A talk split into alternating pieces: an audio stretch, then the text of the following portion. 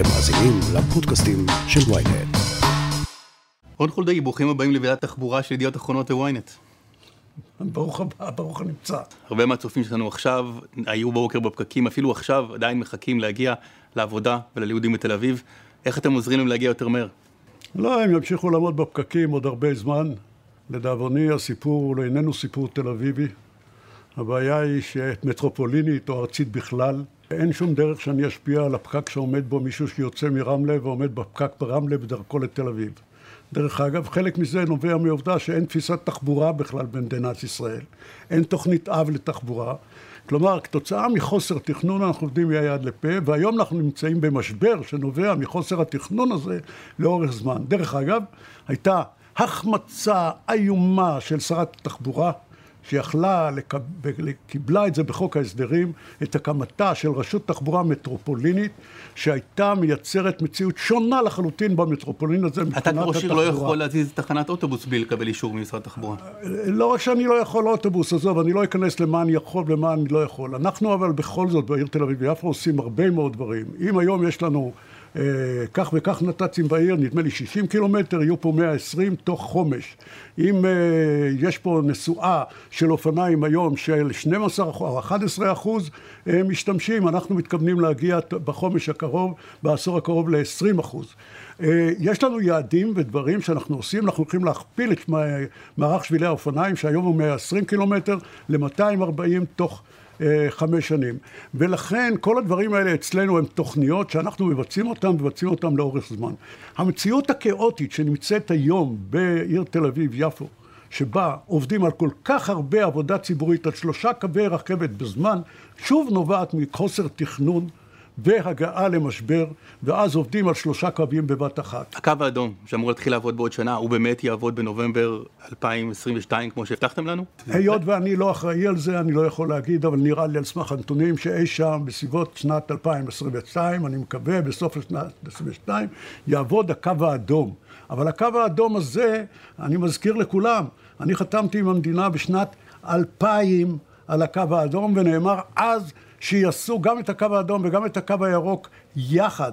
העובדה היא שלא תכננו אותו בכלל, את הקו הירוק, מעידה על איך אין תכנון, אין אסטרטגיה, אין מהלכים ברורים. רון, אתם ביטלתם בשנים האחרונות אלפי מקומות חניה בכחול לבן לתושבים ולאורחים שבאים מבחוץ, אבל איך אפשר להתנהל בעיר הזאת בלי אוטו, כשאין תחבורה ציבורית בשבת, כשאין עדיין רכבות? מסתבר שיש דור שלם של אנשים שהסתגלו כתוצאה מהרבה מאוד דברים שעשינו בעיר תל אביב-יפו, מה שאני קורא קיבוץ בעיר, העניין של הקהילה וכן הלאה וכן הלאה, שמסתדרים בכלל בלי אוטו. מה גם שהכנסנו פה את מה שנקרא את האוטוטל, שמאפשר לבן אדם שרוצה לקחת בתוך העיר אוטו ולנסוע בתוך העיר מנקודה לנקודה. דרך אגב, אני כבר שנים אומר למשרד התחבורה, אמצו את הפרויקט הזה ותאפשרו באמצעות אוטוטל, תקראו לזה בשם אחר. לקחת כאן אוטו ולנסוע איתו לבאר שבע, לחנות אותו בבאר שבע. אותו דבר לחיפה, אותו דבר לירושלים. העניין הזה של להחזיק רכב פרטי הוא הדבר שמייצר את הצורך בחנייה. עכשיו, בזה שאנחנו מורידים חנייה, אנחנו רק מעודדים את התחבורה הציבורית. כי למה אנחנו מורידים חנייה?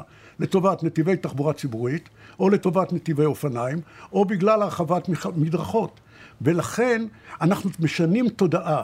צריך להבין, מדינת ישראל היא אחת המדינות הצפופות בעולם, עידן הרכב הפרטי צריך להיגמר.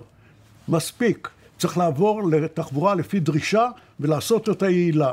את הסוויץ' הזה לא עברו במדינת ישראל בכל ההיבטים, וזה לדאבוני, וזה הבעיה, ואני כמו קאטו הזקן, אמשיך להגיד את זה. איך אני אומר לתושבי תל אביב? אין בעיית חנייה. פשוט אין חנייה. כרגע הכרזת על סוף עידן הרכב הפרטי, אבל איך אה, אצלכם בעירייה עדיין יש חניות לעובדים, אתה בא באוטו, למה אתם לא נותנים דוגמה ונוסעים בעצמכם בתחבורה ציבורית? שאלה מצוינת. קודם כל נתתי דוגמה אישית בזה שרכשתי רכב חשמלי כדי להראות שאפשר להסתדר עם, היום עם אמצעים פחות מזהמים. זה הדבר ראשון. דבר שני, אני מדי פעם מגיע באוטובוס לכאן. נכון שאני, בגלל האינטנסיביות של העבודה שלי, הצורך להסתובב לאורך כל היום, זה נכון שאני מתנייד באמצעות רכב פרטי. הרבה שנים גם נסעתי הרבה מאוד עם אופניים, אבל, אבל אני כבר בגילי ועברתי כמה תאונות ויש לי בעיה עם הכתפיים, אז הפסקתי גם לנסוע עם אופניים. ועדיין יש לי אופניים בבגז, שמדי פעם אני מוציא אותם ומשתמש בהם. אז זה דוגמה אישית. אני נותן די הרבה דוגמה אישית. מה עם העובדים שלך? אתה עדיין נותן להם מקומות חנייה, אתה מעודד אותם לבוא עם רכב פרטי לעבודה. אתה צודק. אתה צודק, אבל אתה לא צודק. למה אתה צודק? אתה צודק כי צריך לעשות. הלא צודק שבמדינת ישראל יש היום חוזים והסכמים עם ההסתדרות, והדברים האלה צריכים להיות מטופלים מערכתית לגבי הסכמי עבודה, לגבי מה מגיע ואיך נותנים ומה נותנים. למשל, במדינת ישראל היה צריך להפסיק את הסיפור של מתן רכב מהעבודה. שבן אדם יעשה את השיקול עם איזה אמצעי תחבורה הוא נוסע. ככה זה בעולם דרך אגב, לא מקבלים רכב מעבודה, אבל מסיבות כאלה ואחרות בהסכמים עדיין זה המצב, וזה מעודד החזקת רכב פרטי. לדאבוני, מי שמתכנן את התחבורה הרבה מאוד פעמים זה האוצר, ולא מומחי התחבורה. ואז נוצרות בעיות. תראה, כל הסיפור הזה של החניוני חנה וסע, חניוני חנה וסע זה אנטי תחבורה ציבורית. אומרים לי, מה, זה ימנע ממכוניות להגיע לעיר. מה זה שלושת אלפים מכוניות שחונות בחניון הזה? כל האנשים צריכים להגיע לחניון, לוקחים אוטו פרטי בבוקר, נמצאים בפרקים מרמלה או מתל מונד, עד לחניון חנה וסע.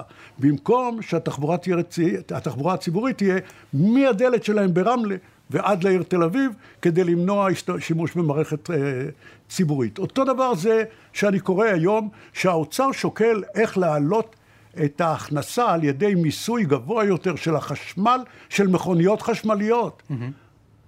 כל הזמן, בגלל זה שיורד להם הכנסה מהמיסים של הרכב, הם מחפשים איך למסות. אז מה? אז אנשים לא יהיה כדאי להם להשתמש במכוניות חשמליות. גם לתושב תל אביב מהשורה יש בעיה לעבור לאוטו חשמלי, אין לו איפה לטעון את האוטו, מי שאין לו חניה פרטית. איך אתה עוזר לו? כדי שהוא יוכל להשתמש באוטו חשמלי, הוא צריך לבוא בערב הביתה, שיהיה לו איפה לטעון את האוטו. בבית אין לו בעיה לסדר לעצמו טעינה. ומי שאין לו חניה בבית? נכון, צריך גם את זה לפתור, ולכן בכל חניון עירוני היום הכנסנו, מכוניות, הכנסנו אה, אה, תחנות הקטנה.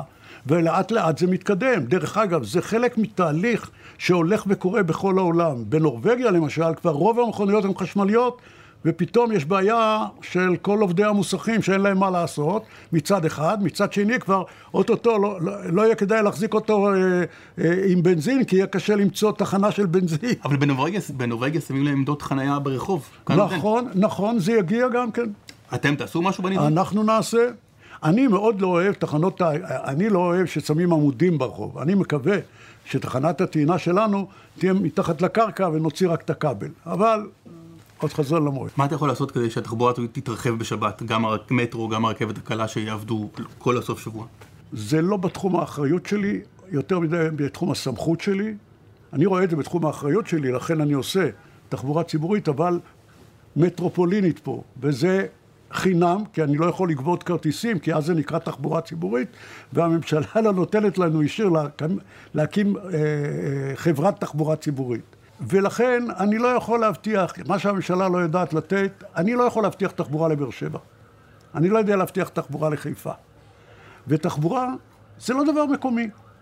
זה איך תושב תל אביב נוסע לבית חולים קפלן לבקר חולה, ואיך תושב מרחובות מגיע לאיכילוב לבקר חולה בשבת. זה הסיפור. ציפינו אולי שאחרי ישראל כץ יהיה עכשיו תקשורת יותר טובה בין ראש עיריית תל אביב לשרת התחבורה. עכשיו יש שרת התחבורה בעצם המפלגה שאתה צמחת ממנה. התחושה היא שזה לא קורה. הנקודה היא איננה בכלל אישית. וזה בדיוק הסיפור. הסיפור הוא שכאשר ישראל כץ, דרך אגב, בתקופתי כראש עירייה, היו כבר 13 שרי תחבורה, והיו 15 שרי שיכון. אז לכן, כשאני מדבר על משהו, אני יודע גם מה קורה כשמתחלפים וכן הלאה. והייתי בווינה וראיתי איך מטרים, וגם בברצלונה, וגם בעוד ערים רבות בעולם, כך שאני שואל, למה אצלנו אי אפשר? אפשר, רק לא מתכוונים לזה. רוני, אתה כבר עוסק הרבה שנים בנושא התחבורה כראש עיר, אתה תהיה פה גם בשנים הבאות לטפל בזה? אנחנו נראה אותך רץ עוד פעם בבחירות הבאות? אני מאוד מקווה שכן. נרשם. תודה רבה.